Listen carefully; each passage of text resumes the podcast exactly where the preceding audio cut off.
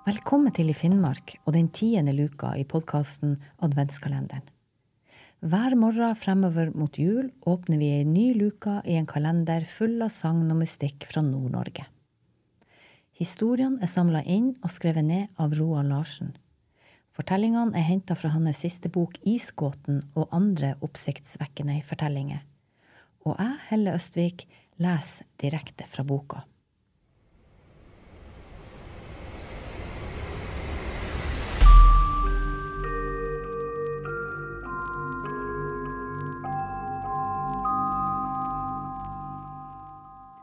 Vi åpner den tiende luka med historien Den knuste robåtens eier.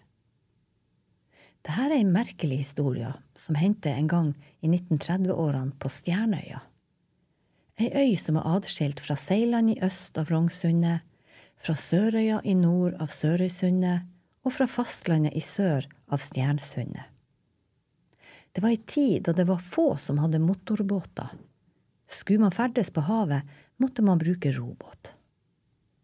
På sommeren har Stjernøya fra langt tilbake i tid vært et sommerland for reindriftssamer. Fra april til oktober har øya vært tilholdssted for flere tusen reindyr og flere samiske familiegrupper, som i sommerhalvåret hvert år var og er mer eller mindre bofast på øya.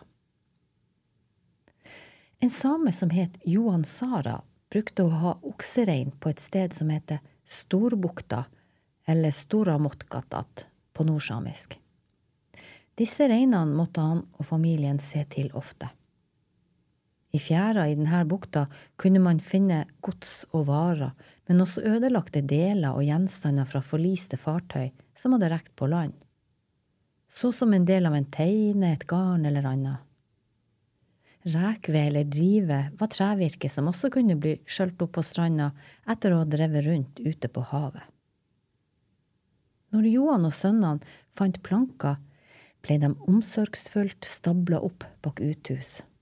Hadde det vært ei stormfull natt, var de ivrige etter å leite langs stranda, etter vrakgods som havna som havet hadde kasta på land.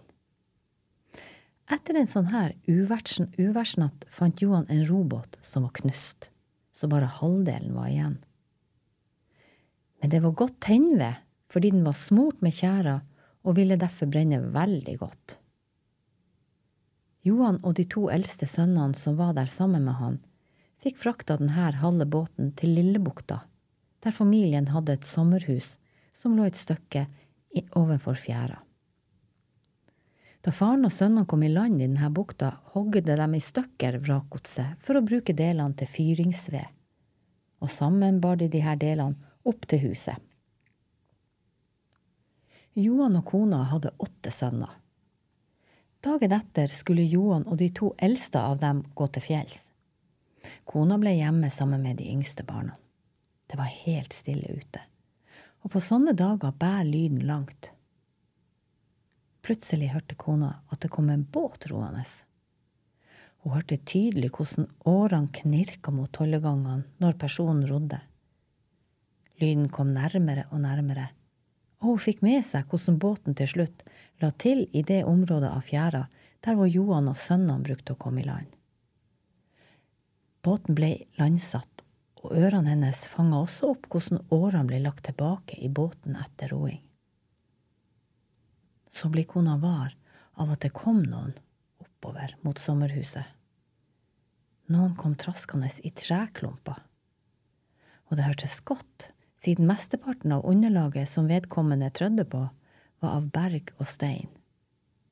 Ut fra ganglaget skjønte hun at det måtte være en mann. En kar som kom frem til huset og tok like etterpå tak i dørtrykkerten. Med det samme det skjedde, freste det i ovnen, og det knitra i flammer. Flammene fra veden slikka snart muren opp mot pipa. Det brant unormalt kraftig i ovnen. Og det var et tegn på at alt ikke var som det skulle være.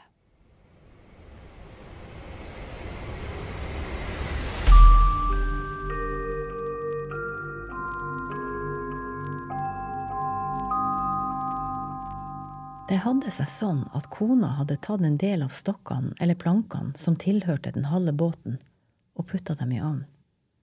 Der hadde de brent lenge og lagd glør som ga god varme. Men da noen tok tak i dørtrykkerten, begynte det å brenne kraftig.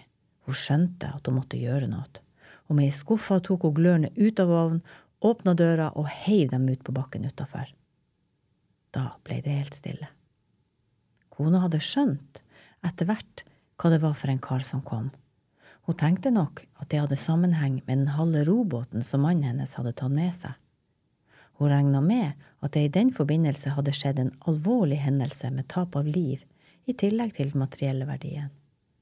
Hun visste jo at forlis kunne forekomme på grunn av naturens elementer som vind, strøm, bølger eller uventa grunner og skjær gjerne under omstendigheter der mannskapet ikke helt hadde kontroll med styring eller fremdrift. Det var en vanlig oppfatning innenfor tradisjonen at hvis man for eksempel kom over forliste robåter, skulle man ikke ta alt med seg, men la rester av båtvraket bli igjen.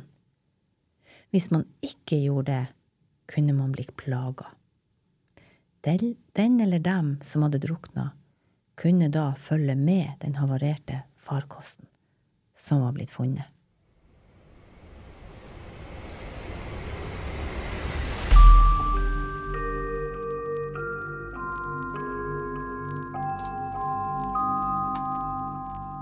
Dette var tiende luka i Finnmarks podkast Adventskalenderen. Mitt navn er Helle Østvik, og jeg har lest historien Den knuste robotens eier fra Roald Larsens siste bok Isgåten og andre oppsiktsvekkende historier utgitt av Arktisk Forlag.